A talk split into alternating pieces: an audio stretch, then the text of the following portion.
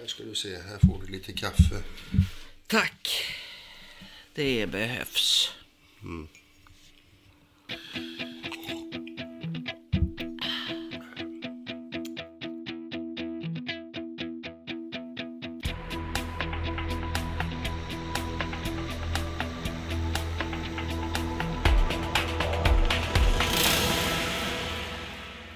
Det här är Peter och Maria. Det här är Peter och Maria.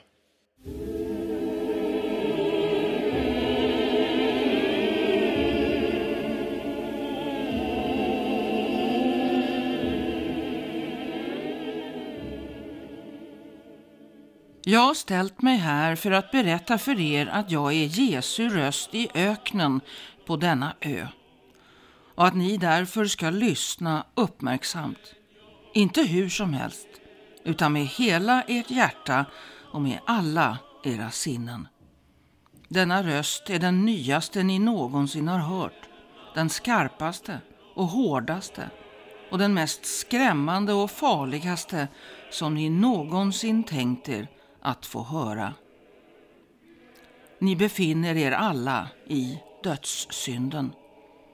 Och i denna dödssynd lever och dör ni för den grymhet och det tyranni ni utövar mot dessa oskyldiga människor. Säg mig, med vilken rätt och med vilken rättvisa håller ni dessa indianer i så grymt och fruktansvärt slaveri? Vem har gett er fullmakt att föra krig mot detta milda folk som levde fredligt i sitt land? Ett folk som ni nu har förstört och mördat i oändligt antal. Hur kan ni hålla dem så förtryckta och uttröttade utan att ge dem att äta, utan att bota de sjukdomar som det hårda arbete som ni påtvingar dem orsakar? Eller rättare sagt, hur kan ni mörda dem för att ge er guld varje dag? Är de inte människor? Har de inte tänkande själar? Är ni inte förpliktigade att älska dem som er själva? Förstår ni inte detta? Känner ni inte detta? Hur kan ni befinna er i denna avgrund, denna förslöade djupa sömn? Var förvissade om att i det tillstånd som ni nu befinner er så kan ni inte längre rädda er själva.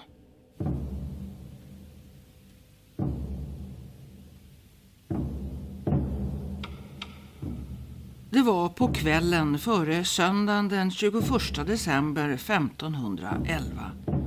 Broder Antonio de Montesinos höll sin adventspredikan i kyrkan i Santo Domingo på den ö som spanjorerna kallade Hispaniola. Han riktade sig just till dessa makthavare på ön och hans ord väckte stor harm och vrede hos maktens män. Guvernören på Hispaniola, Diego Columbus, som var son till Kristoffer Columbus, sa i skarpa ordalag att denna uppstudsiga munk genast måste förvisas från ön och att han själv förväntade sig att nästa veckas predikan skulle ges i mildare ordalag. Men de åtta dominikanermunkar som var den katolska kyrkans representanter på ön och tillsammans hade skrivit den text som Antonio de Montesinos hade predikat vägrade lyda order. Och nästa söndags predikan tog ännu tydligare ställning. Nu formulerades fem principer. 1. Religionens lagar står över statens. 2. I Guds ögon finns inga rasskillnader. 3. Slaveri är olagligt. 4. Indianerna måste få tillbaka sin frihet och sin egendom. 5. Enbart genom att föregå med gott exempel kan spanjorerna omvända indianerna till kristendomen. Det vi har här i dessa fem punkter är de första stegen i uttalad antirasism. Det hade gått 19 år sedan Columbus satte segel mot den nya världen. Señor,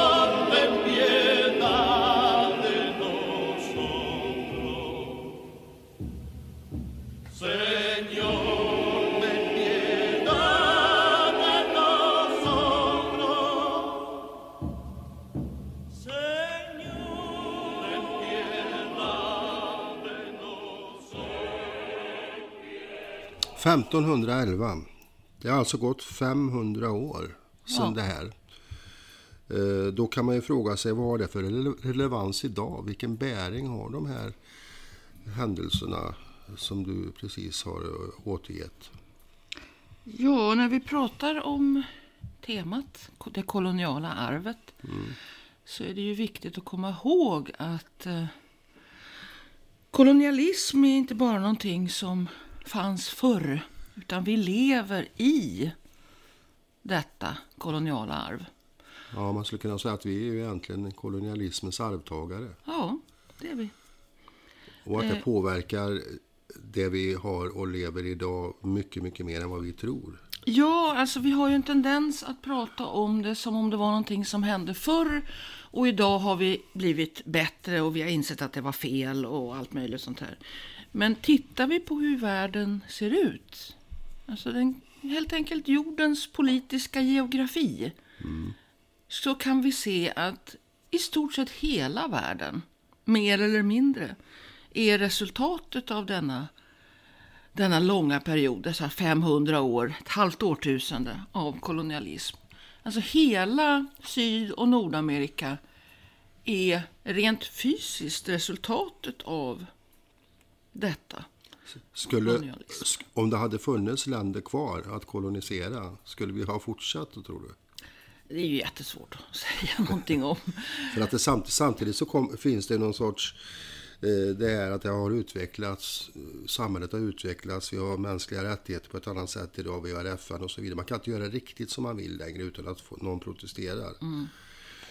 Alltså det finns ju en massa olika eh, teorier och, och, spekulationer kring hur det här arvet har påverkat oss och, och, vad det innebär och så vidare. Men jag tror att det absolut första viktiga är att komma ihåg att vi fortfarande lever i den verklighet som är skapad av detta koloniala projekt. Och då är det ju, det vi måste också måste inse är att i grunden så handlar det om att en världsdel, Europa, har eh, i princip ockuperat den större delen av hela vårt klot. Det vill mm. säga det koloniala projektet är det vita europeiska koloniala projektet gentemot resten av världen. Ja, och det finns ju en rest där också som vi drar stor fördel av. Eh, jag tänker på det här med eh, när vi handlar kaffe till exempel. Mm. Så får vi köpa fair trade när vi ska betala vad kaffe egentligen kostar. Mm. Det är ju en rest från kolonialtiden också det här med att de varor som, som vi har fått eller som vi har lagt beslag på en gång i tiden och, och bara eh, fraktat hit. Det finns kvar på något vis. Mm. Eh, det här ojämlika förhållandet. Mm. Sen har det ju självklart blivit så att de ska ha betalt, men eh, det blir inte alls samma förhållande utan vi, vi, vi drar, samtidigt så drar vi den här fördelen av att vi en gång i tiden stod på dem. Mm. Alltså jag tror att om vi tittar på det här, det här den här predikan som eh, vi började med från 1511, mm. julen 1511. Eh, så är det viktigt tror jag att komma ihåg att Ehm, 1492 så seglade Columbus iväg från, från ehm, Kanarieöarna. Tvärs över Atlanten och hamnade någonstans i det som vi idag kallar för Västindien eller Karibien. Nästan samtidigt började också protesterna inom så att säga, den vita gruppen mot de övergrepp som skedde ganska omedelbart när man gick i land. Så att det har hela tiden funnits eh, en sorts tvådelad attityd till, till de här människorna som man stötte på när man tog båten över Atlanten. Och man kan ju känna igen argumentationen också. Den skiljer sig egentligen ingenting från det vi ser idag. Nej. Eller som vi själva tillämpar ibland. Nej, precis. Alltså det finns, finns eh, man säger så här att det, i det koloniala projektet finns rasismen som en sorts, den är så inbyggd i det koloniala projektet. Va? Att det är, finns, rasismen är självklar. Så finns också, inte kanske med en gång, men ganska snart kommer motreaktionen som är antirasistisk.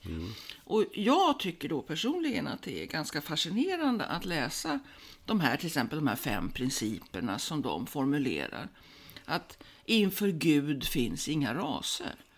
Eh, och, och så här att man ska återställa indianerna, som man kallade indianernas rätt till frihet och rätt till äg, deras egendomar och så vidare. Det finns redan inom så att säga, den, den vita gruppen, redan där finns så att säga, den, den antirasism som vi ju faktiskt har haft parallellt med rasismen hela tiden. Alltså antirasismen är inte heller någonting som är uppfunnet i, i förrgår eller på 1800-talet, utan den kommer i stort sett samtidigt med den här rasismen.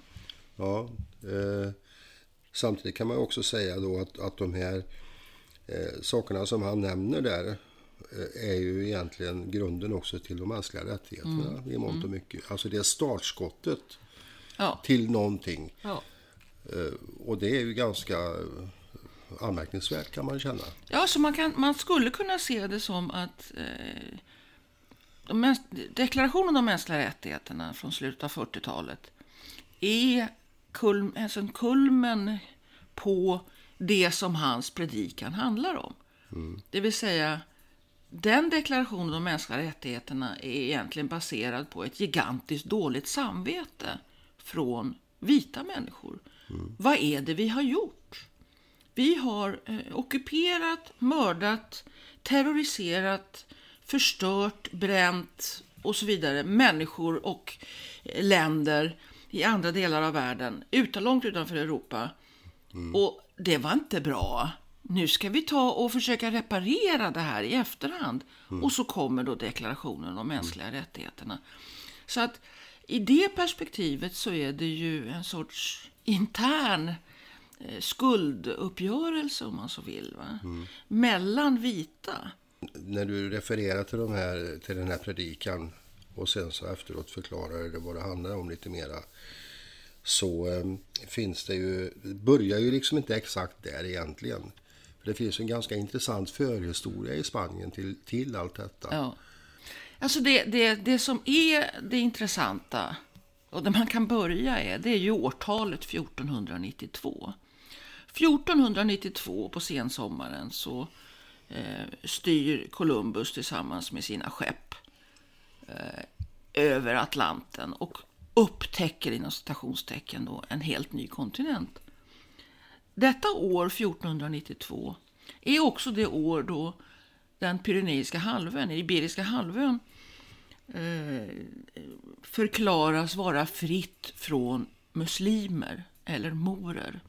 Och då ska man veta det att muslimerna, eller olika muslimska kungar egentligen, och förstar, hade börjat komma in från Afrika redan i början på 700-talet.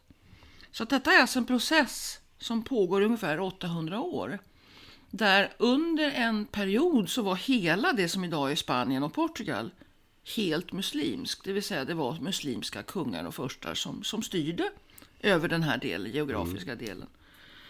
Eh, och i de projekt som kommer i takt med att vissa kungadömen återtar eh, så att säga, kontrollen över vissa geografiska områden. Alltså vissa kristna furstar och kungar återtar kontrollen över vissa delar av den norra, norra Spanien. Så pågår ett ständigt krig kan man säga mellan de här olika grupperna.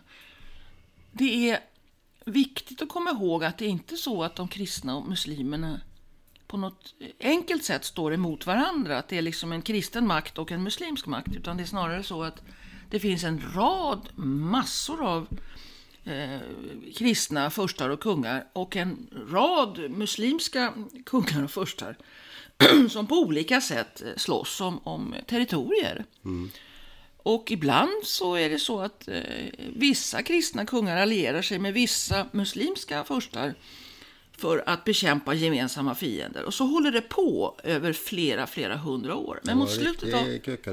Ja, det är en väldig, väldig röra där. Va? Mm. Men det är också viktigt att komma ihåg att under den tid som en stor del av Spanien är kontrollerat av muslimska eh, furstar så är det också en mycket, mycket fredlig tid mm. i den delen av Spanien. Det är, det är en, eh, finns en tolerans mellan olika religiösa grupper mm. som man sen aldrig har sett maken till. I, ja, man får ju intrycket att de var ju lite mer frisinnade egentligen än vad de här så kallade kristna förstarna och kungarna var. Ja, alltså det, det finns något fascinerande här som har att göra med att eh, de eh, muslimska förstar som styr framförallt i delar av södra Spanien de har den inställningen att, att eh, de kristna och den stora judiska befolkningen, det är åtskilliga hundratusen judar som också bor och verkar och eh, lever sin tro i Spanien.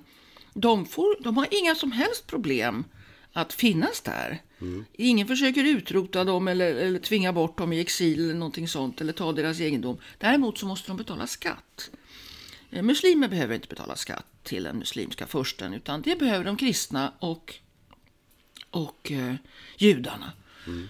Men eh, det finns ganska ordentliga samarbeten och, och, man gifter sig mellan olika trosuppfattningar och så vidare.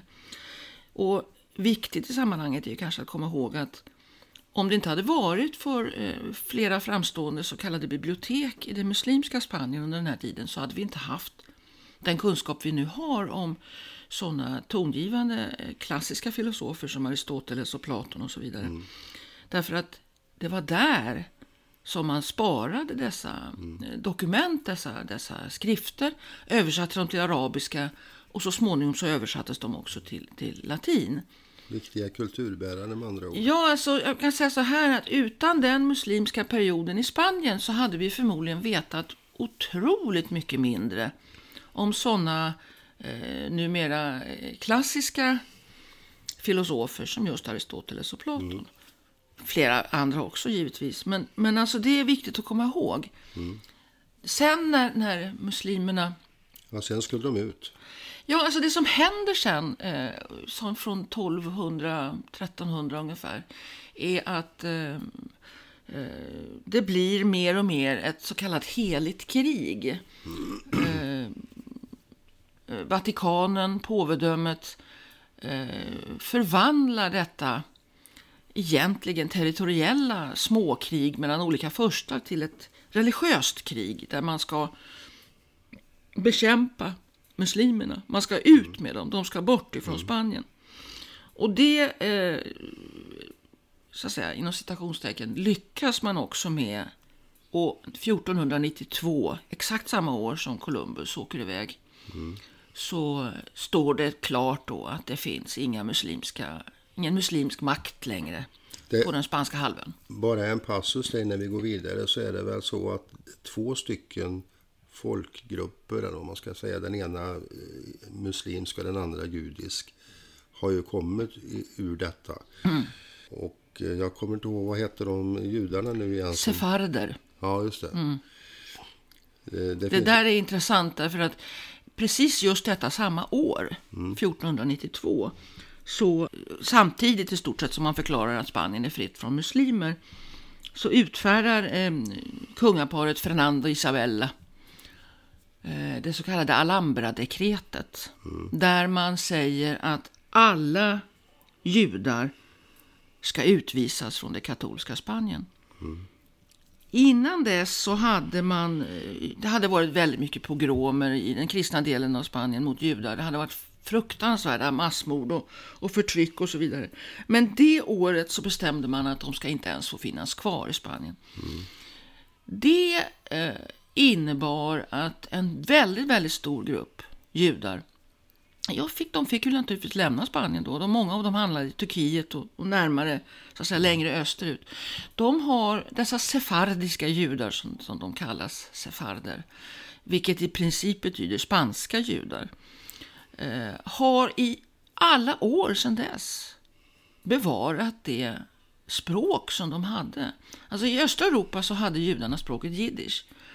I, i Spanien hade man eh, språket, det som nu kallas ladino. Eh, och det är en sorts arkaisk spanska. Och jag vet att eh, det finns fortfarande människor som talar detta språk. Mm. Trots att det ju alltså har gått över 500 år sedan de förvisades från Spanien. Men det är väl en ganska stor folkgrupp i Israel? Är det inte det? Ja, det är, om jag förstår det rätt, så handlar det om ungefär en och en halv miljon människor som kan räkna sitt ursprung till, mm. till denna folkgrupp. Ja, det är väl ganska många med tanke på hur många som bor i Israel? Ja, det är ju en substantiell del. Det väl, mm. borde väl vara, jag skulle tippa att det handlar om ungefär 20 procent av den judiska befolkningen. Mm. Eh, jag vet också att Spanien, den spanska staten 2014 sa att alla som kan visa att de blev förvisade då, eller har ursprung i de som förvisades då, nu har rätt att kalla sig spanska medborgare. Mm.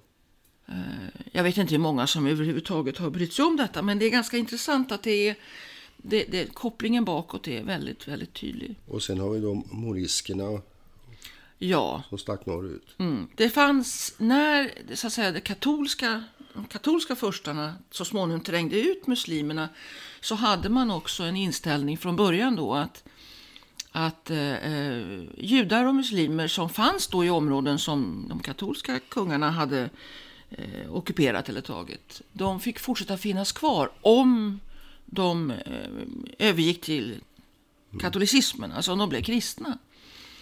Eh, och det där pågick under flera hundra år. och De kallas för conversos, då, eh, omvända, de här judarna som blev så att säga kristna. Och eh, eh morerna, muslimerna som blev kristna kallas för moriscos. Och det här, alltså det jag tycker är fascinerande, det är att den katolska makten i Spanien hade en eh, otroligt hård syn på eh, dessa människor som då hade eh, lämnat sin tro för att få vara kvar. Och det utvecklades en sorts totalitär eh, kontrollapparat. Så att eh, eh konversos då, före detta judar, som kunde misstänkas ha så att säga, slutat vara troende judar och blivit kristna bara för att få vara kvar och bara för att få ha kvar sin egendom och så. De kunde anges av sina grannar. Titta där, jag vet. Mm. De håller på där på fredagarna. Och de är judar fortfarande, fast de säger att de är kristna, så det tror vi inte på. Och då kunde det förekom relativt ofta att människor mördades eller eh, avrättades eller förvisades och så. Det fanns en Patriot Act på, redan på den tiden. Ja. Alltså den här totalitära kontrolltankepolisen som skapas under den här perioden. Eh, och även mot muslimerna då, moriscos. Där man mm. sa att eh, de håller på och bugar sig flera gånger om dagen och det, de är inte kristna. De är fortfarande muslimer fast mm. de luras. Det kulminerade i inkvisitionen. Mm. Alltså tio år före att Columbus åker till eh, över Atlanten så grundades den spanska inkvisitionen. Och den, dess första motiv, dess första syfte är just att kontrollera att moriscos och conversos inte ljuger.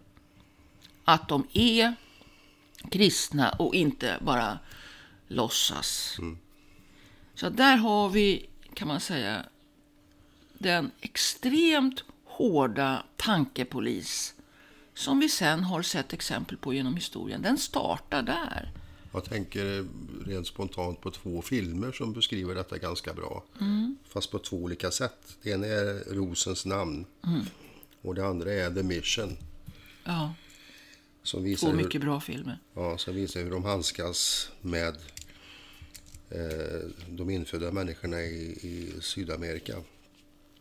Eh, och en missionsstation. Vi ska inte avslöja för mycket om det, för det, men i alla fall det är mycket sevärda filmer båda två. Och det är en ganska ruggig historia. Men jag tänkte då 1482, eller 92 förlåt. 1492. Då är det egentligen ett startskott till allt det här som vi pratar om mm.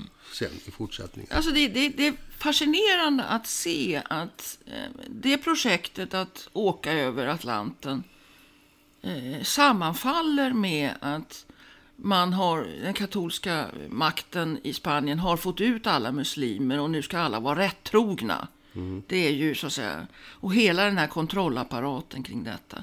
Mm. Och då, man ska alltså betänka att de har ju befunnit sig i en sorts inbördeskrig på den här halvön i åtskilliga hundra år. Så har det pågått hela tiden krig, övergrepp, massakrer, mord och det har så småningom blivit ett heligt krig. Så de var ganska råbarkade redan när de stack iväg?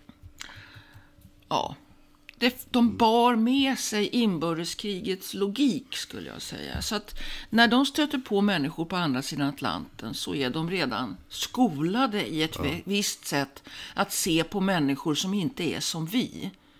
Alltså man, människor som inte har, är katoliker, människor som inte är så vidare. Ja, för när man läser vittnesmålen om hur, vad de gjorde där borta så måste man säga att vi pratar om IS idag men det, det här står inte långt efter. Men det är fruktansvärt. Det, det, det, det är otäck läsning. Mm. Alltså en av dem som kanske är den mest namnkunniga av alla de som, som eh, fortsatte det här arbetet som, som broder Antonio inleder. Det är en, en um, munk som heter Bartolomé de las Casas. Mm. Han eh, finns med där i bilden i samband med den här predikan. Men han är inte riktigt med på båten. Han har nog inte riktigt sett de här övergreppen som de andra munkarna har sett. Han var ganska ung då eller? Han var lite över 20. Ja. Och han har kommit eh, till, till eh, Hispaniola tillsammans med eh, Columbus bror något senare än, än den första resan. Men när han åker till Kuba ett par år efter det här, alltså jag tror att det handlar om 1514 ungefär. Då är han med om saker som han sen aldrig glömmer under hela sitt liv och som får honom att bli en brinnande antirasist och försvarare av dessa människors rättigheter. Och han skriver en bok som eh, på 1546 eh, han skriver många böcker, men framför allt en bok som, kommer, eller som han skriver 1546 och som kommer ut här strax efter som heter Brevissima relación de la destrucción de las Indias. Som betyder en superkort berättelse om förstörelsen av eh, Las Indias betyder ungefär de indiska provinserna som det kallades då. Är den superkort? den är inte jättelång, det är den inte. Den, är, den går mycket väl att läsa eh, på en sittning. Så att, eh, ja. det är inte någon, det är inte någon eh, tjock eh, flera hundra sidor utan den är relativt kort faktiskt. Mm. Och den är illustrerad med träsnitt eh, på precis de här massakrerna och övergreppen. Och det är mm. fruktansvärda bilder. Ja, jag har sett dem också. Det är, man kan inte föreställa sig att människor kan ha sån grymhet. Det, det, det, är, det är lemlästningar och avhuggna händer och våldtäkter. Och, man eldar, bränner upp de levande. Och, ja, det, det och spädbarn och så vidare. Och det är eh, när, när Bartolomé Las Casas betonar flera gånger i den här skriften. Jag har själv sett detta. Mm. Jag har själv varit med. Det här är ingenting som jag bara har hört berättas att de gör. Så här ser det ut. Och han blir då kan man säga brinnande i kampen mm. mot eh, den rasism och det förtryck och det, den ut, folkutrotning mm. som det faktiskt är. Eh, boken börjar med att han åker tillbaka till de här länderna. Jag vet inte exakt vilket år det är. Men han beskriver hur folktomt det är. Mm. Han skriver så här att den här ön där det var fullt av människor, det finns ingen kvar. Mm. Och nu vet vi ju att det som hände därpå är ju kidnappningen och eh, eh, transporterna av människor ifrån Afrika för att ersätta de slavar som man hade mördat. Mm. Först slaktar man dem och sen går man, åker man iväg och stjäl människor någon annanstans. Ja, Och det där är väl en syn på vi och dem som i mångt och mycket lever kvar. Även om vi har blivit förfinat det lite grann idag så kan man väl säga att vi bär med oss det arvet fortfarande. ja, För det märker vi ju på hur, hur många ser på andra människor. ja. Eh, Vi, vi pratade i förra avsnittet om det med avhumanisering. Och det är väl i allra högsta grad ett arv ifrån den, här tiden. Ja. Alltså jag tror att det är viktigt att komma ihåg att hela den här traditionen, om man får använda det ordet, är ett projekt från vita människor gentemot icke-vita människor i någon mening. Sen ska man komma ihåg att eh, i Spanien hade man då en lagstiftning som sa att det var okej med slavar så länge de inte var katoliker. Det vill säga, i princip skulle du kunna ha du skulle kunna vara en, en, en, en furste eller en kung i Spanien och ha eh, slavar från Sverige eller Tyskland eller något annat protestantiskt land. Eh, det var helt okej. En- Alltså helt lagligt okej. Eh, Och naturligtvis alla andra folk också. Jag menar svarta, eh, hinduer, muslimer, turkar och så vidare. Det var alltid okej. Men även protestanter fick man lagligen ha som slavar. Så att slaveriet finns där, men det är hela tiden riktat från vita mot i princip i huvudsak icke-vita. Och jag tycker att det är väldigt fascinerande. Jag hoppas vi kan återkomma till detta. Vad är det som gör att det är just i den katolska tron som detta startar på allvar? Vad är det i denna eh, kristna tro som gör det så enkelt att det blir på det här viset? Eh, Jag har spekulerat för egen del i att det handlar om att den, katol- eller den kristna tron blev statskyrka i, i Rom. Att det kan ha med det att göra. Eh, Men, men jag är inte människa att, eh, så att säga, ha några enkla svar. Och jag tror säkert det finns säkert forskning på detta. Så att det får vi väl ta ett senare program när vi har tagit, fått finns svar en, på detta. Det finns en stark motsättning med detta. Att, Ja. att, att se sig som att det är Guds ställföreträdare på jorden, liksom påven. Och den kyrkan som så att säga skulle vara den sanna, riktiga. ja, det är det som är paradoxen. Och bryter så fundamentalt mot Ja. alla Jesu läror och bud. Exakt, det är det som är så fascinerande tycker jag. Att du har å ena sidan den här katolska makten som driver ut judar och muslimer ur Spanien med, med, med mord och, och otroligt lidande. Samtidigt så har du i det här koloniala projektet de enda som säger emot är just den katolska kyrkans representanter. Alltså dominikanermunkarna på Hispaniola är ju, eh, skulle vi säga idag, väldigt framsynta. De ser att detta är mot den kristna läran. Men det visar väl också att individen är viktig. Att vi som individer får bära vårt eget ansvar för vårt förhållande både till kyrkan och Gud och till våra medmänniskor. Ja. Men det, alltså det, det där, det, jag tycker det är väldigt, alltså den paradoxen är, jag kan inte liksom li- riktigt eh, komma över den paradoxen att du har å ena sidan det här vita rasistiska projektet som är i någon mening en, en effekt av hur den katolska kyrkan ser på, på sig själv och på andra trosuppfattningar och andra människor som inte är katoliker och så vidare. Och sen har du inom denna katolska kyrka den här splittringen mellan människor som säger att rasism är helt okej och de som säger det är det absolut inte. Men hur länge hade dessa personer då på Hispaniola varit isolerade från kyrkan i Europa? Nej, inte speciellt länge. Inte länge. Nej, nej, nej. Nej, alltså jag, jag, jag kan tänka mig, och det här är ju också bara spekulation, det får vi ta reda på. Dominikanermunkarna, det kanske finns en speciell, eh, det kanske finns en speciell eh, kärna just hos dem, inte vet jag. Det, eh, det, det, det, man ska ju inte reducera allting till en och samma sak naturligtvis. Nej, det, det, finns ju en hel del som talar emot det övriga där också. För att det som händer när de åker över och koloniserar här nu och, och, och det är ju egentligen den här enorma girigheten som styr ja. detta. Att man vill lägga beslag på alla, mm. på guld och naturtillgångar. Allting sånt som vi har egentligen bara bestämt att eh, det här är värdefullt. Mm. För, för indianerna betydde ju inte guldet någonting på det sättet. Nej, det var bara en sorts heliga... Det kunde användas som vacker utsmyckning i, i heliga ja. sammanhang och så Och det blir så bisarrt för att vi bestämmer ju vad som ska vara värdefullt. Mm.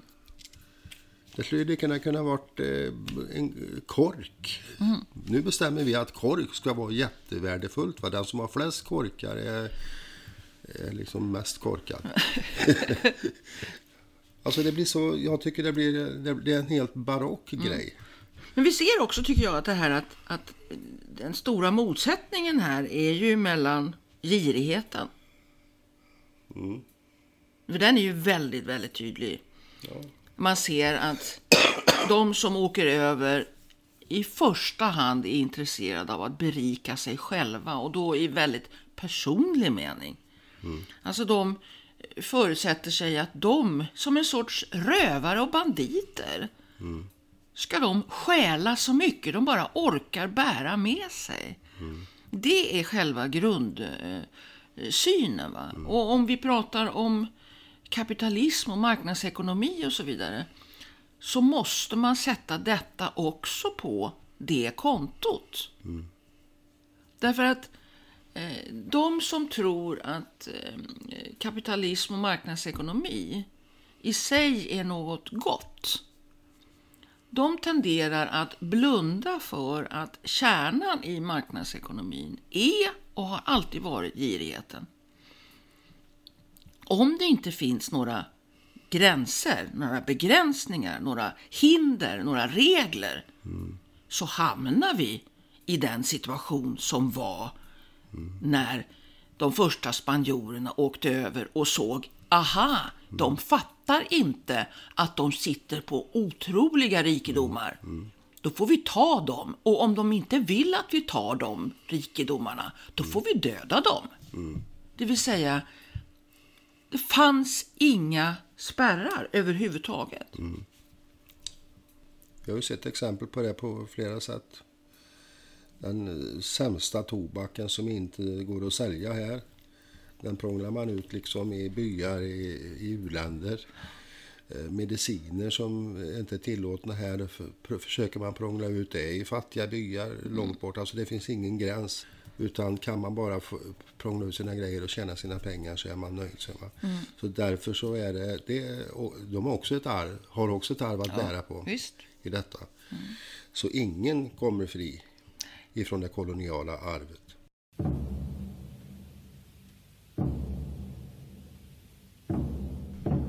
Bartolomé de las Casas, han är eh, epokgörande.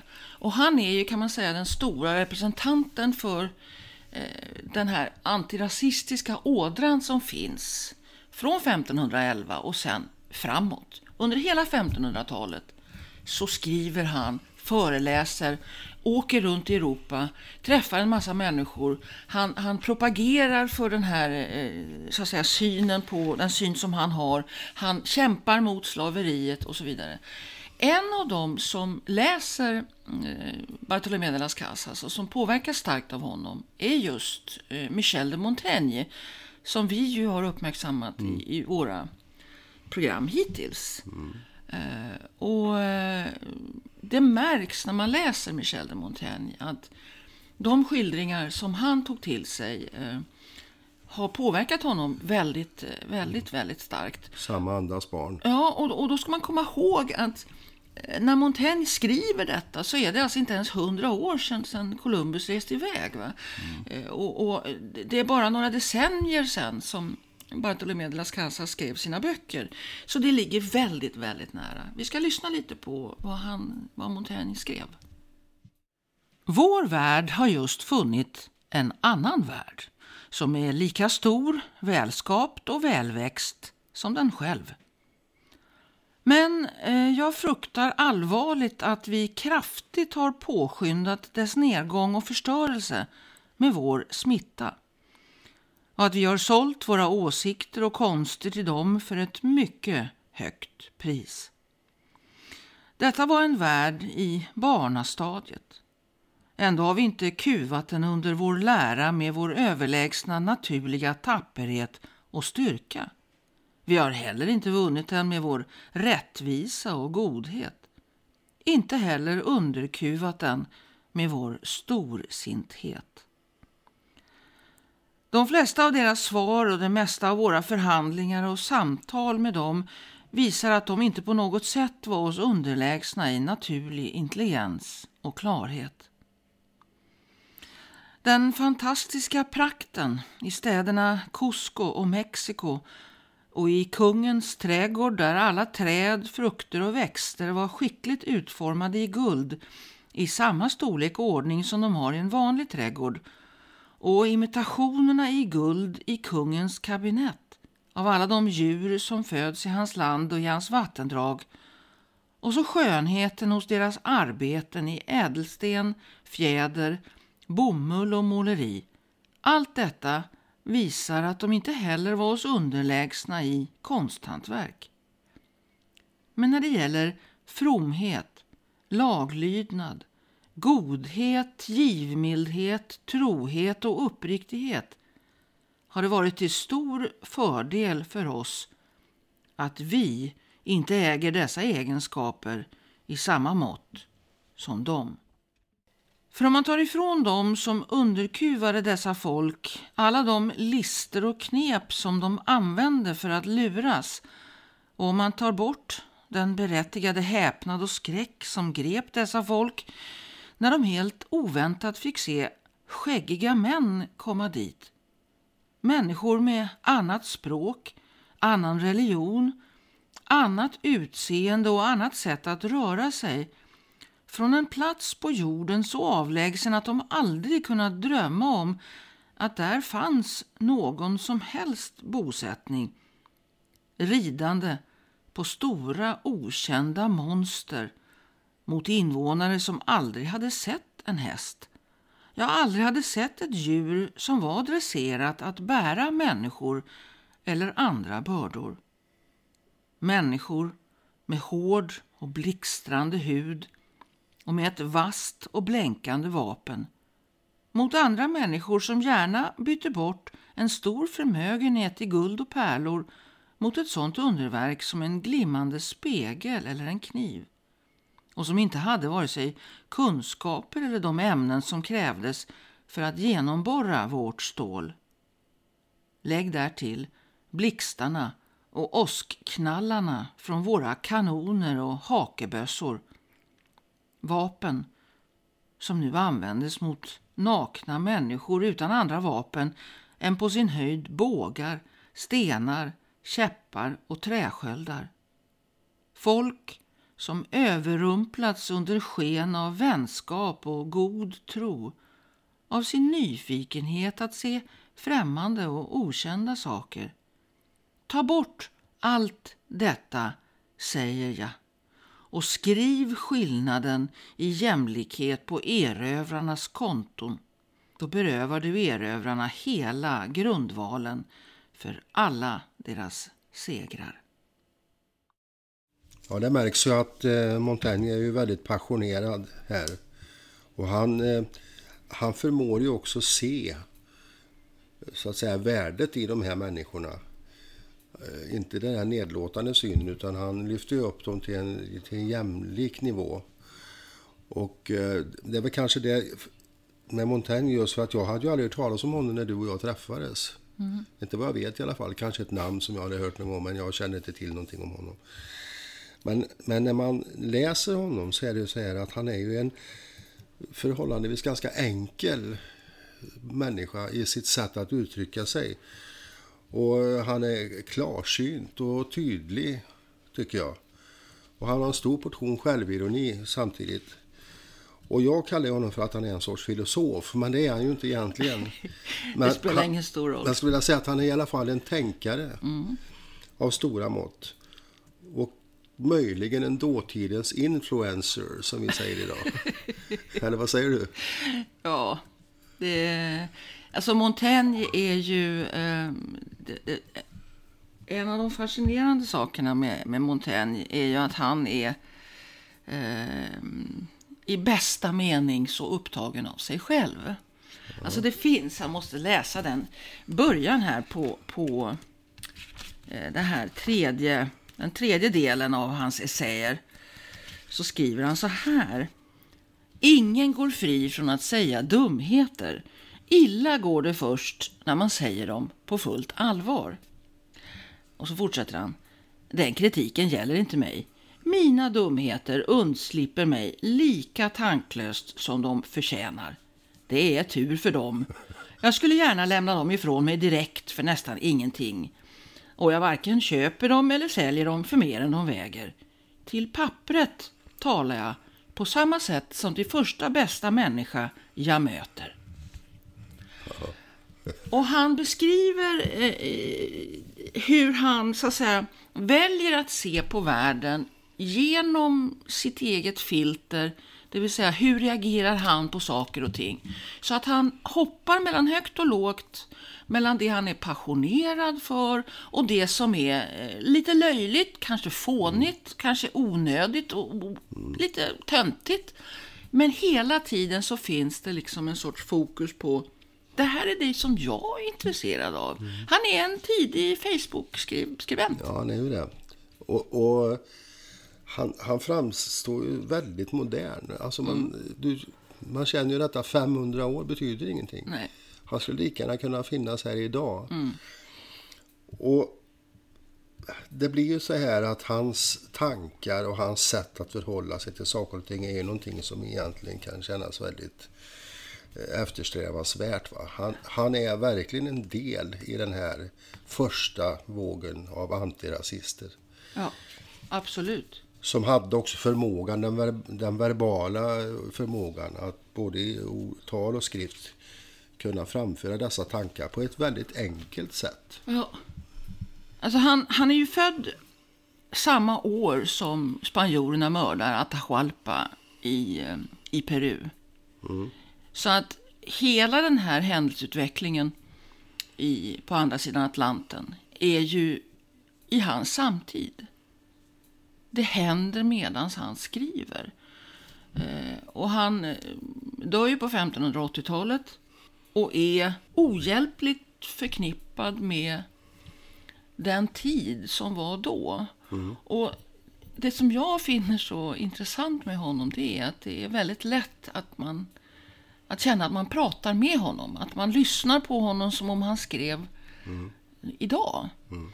Alltså att det är, finns ingenting konstigt och, och, och tillkonstlat och underligt eh, pompöst. finns ingenting av det hos honom. Nej.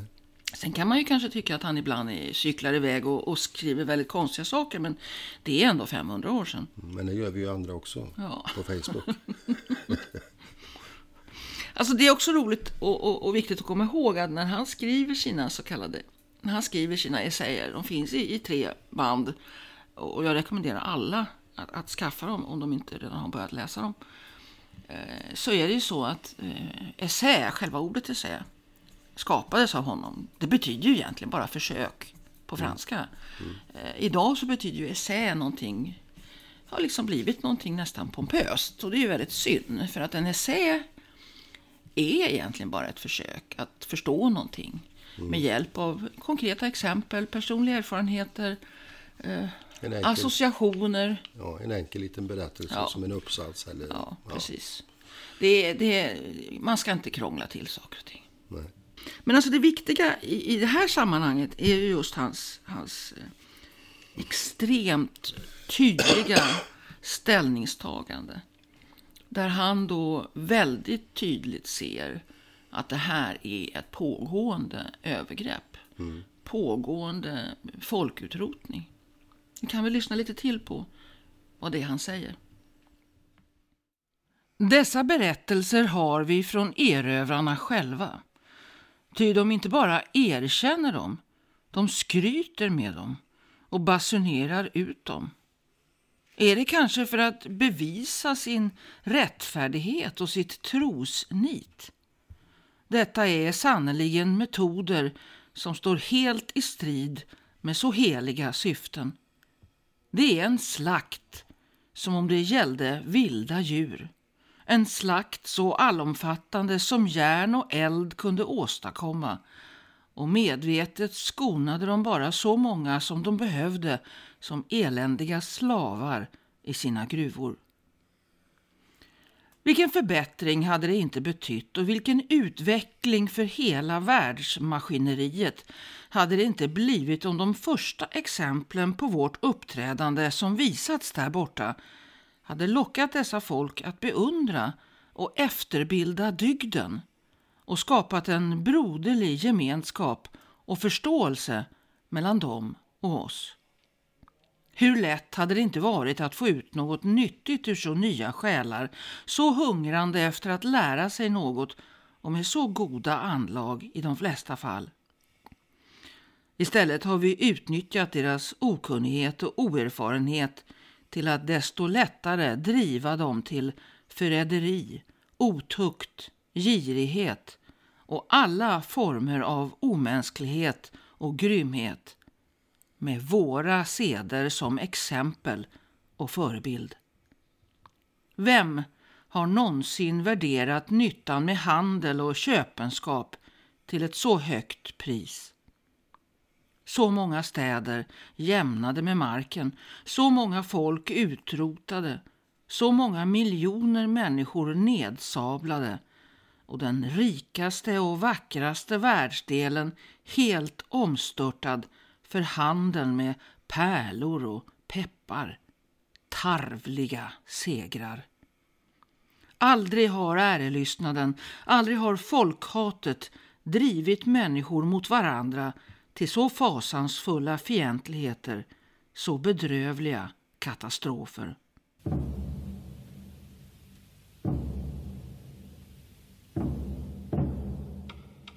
Ja, om man inte visste bättre skulle man ju nästan tro att han eh, beskriver en dystopi.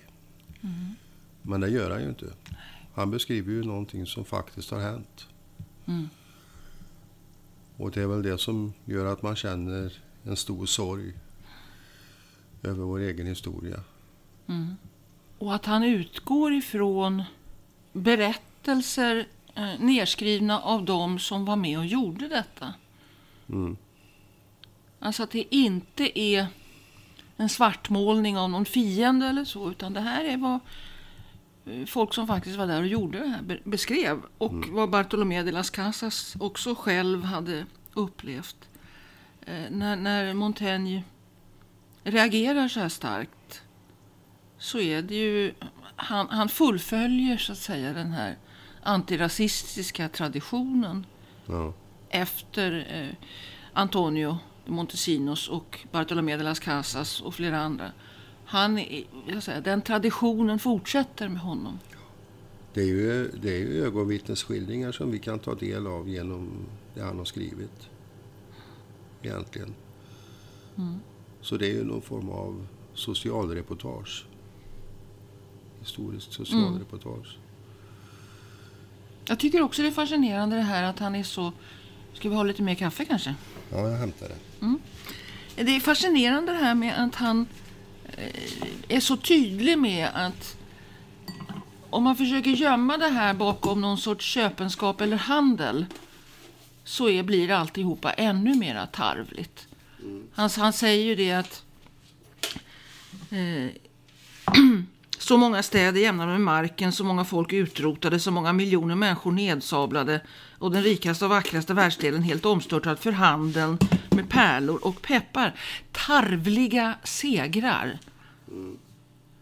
Och jag tror att det är viktigt att komma ihåg det, att han var ju inte naiv på det sättet att han inte förstod vad som var det grundläggande motivet till att eh, man faktiskt gjorde på det här sättet. Att det handlade om att enskilda individer och eh, människor i olika länder i Europa ville berika sig.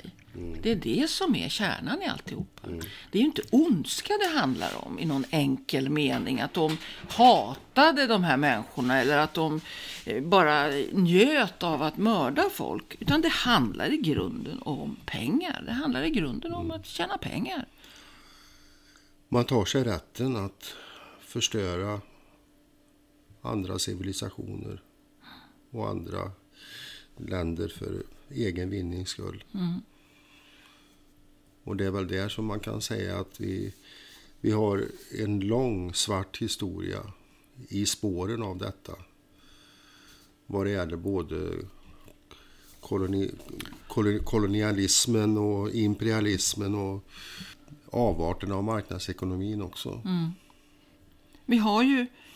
Det, det sorgligaste tycker jag nästan, det är att han mindre än hundra år efter att Columbus satte segel över Atlanten så skriver han aldrig har ärelystnaden, aldrig har folkhatet drivit människor mot varandra till så fasansfulla fientligheter, så bedrövliga katastrofer. Detta skulle ju sen fortsätta och har fortsatt i 400 år till Ja.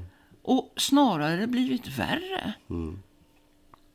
Det vill har, säga... bara, har bara bytt ansikte lite grann. Ja, det har bytt ansikte. Det har, eh, som vi ska komma in på sen, så, så när, när man hade utrotat alla människor i ursprungsbefolkningen i, i, på den amerikanska kontinenten och på öarna, så börjar man titta på Afrika. Ja. Och då fortsatte det bara. Men i grunden är det samma attityd.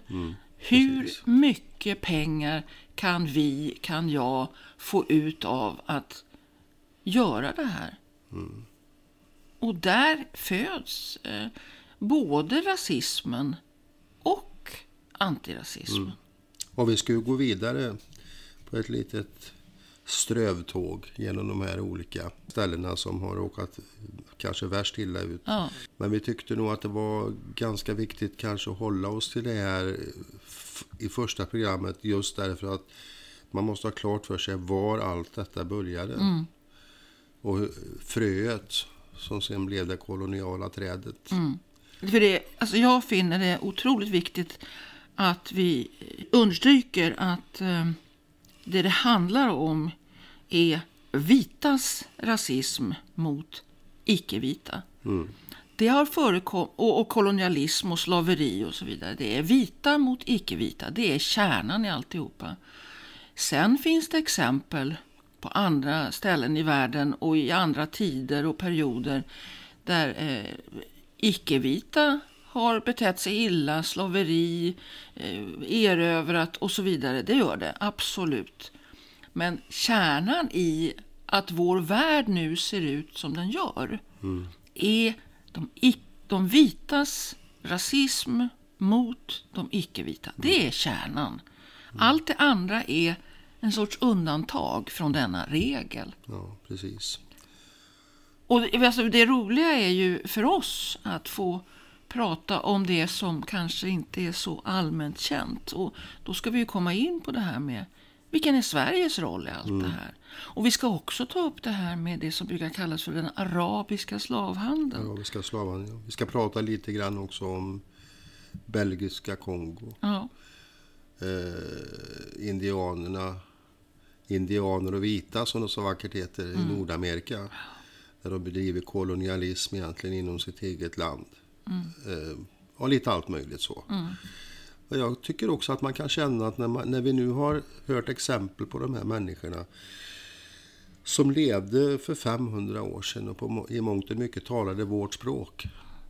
Så kan vi också känna det här liksom att vi som idag står upp mot rasismen, vi bär på ett arv som ska göra, kan göra att vi kan känna oss lite raka i ryggen för att det är ett stolt arv att bära vidare.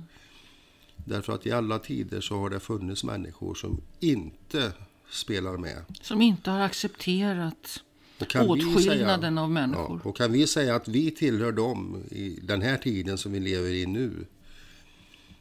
Då har vi all anledning att känna också att vi är bärare av en mycket, mycket fin tradition. Mm. Och den är precis lika stark även om eh, det blir så tydligt att den ekonomiska frågan har alltid fällt avgörandet. När det har handlat om att tjäna mer pengar, mer pengar, mer pengar. Mm. Så har det, eh, om man inte med kraft begränsar denna mm. drift att hela tiden berika sig. Då har vi enorma problem. Både då och nu.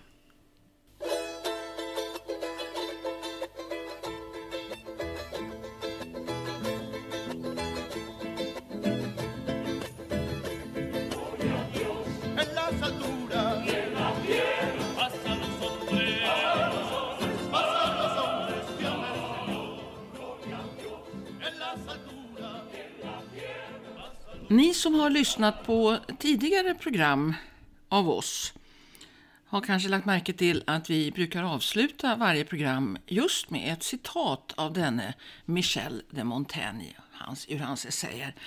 Ehm, vi vill passa på att berätta att ehm, dessa citat och även det som vi har tagit med idag är hämtade från en fantastisk översättning av Jan Stolpe från 1992.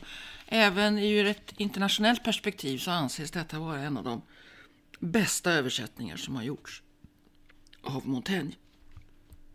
Nu kommer dagens avslutande ord. Dessutom hatar jag ingen människa. Och jag är så känslig för att såra någon att jag inte ens kan göra det i det förnuftigas tjänst.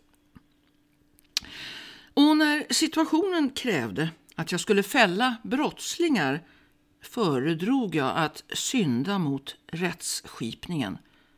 Så jag ogillar brott i högre grad än jag har mod att straffa dem.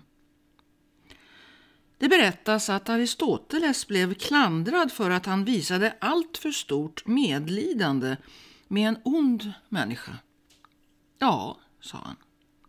Jag visade medlidande med mannen, men inte med hans ondska.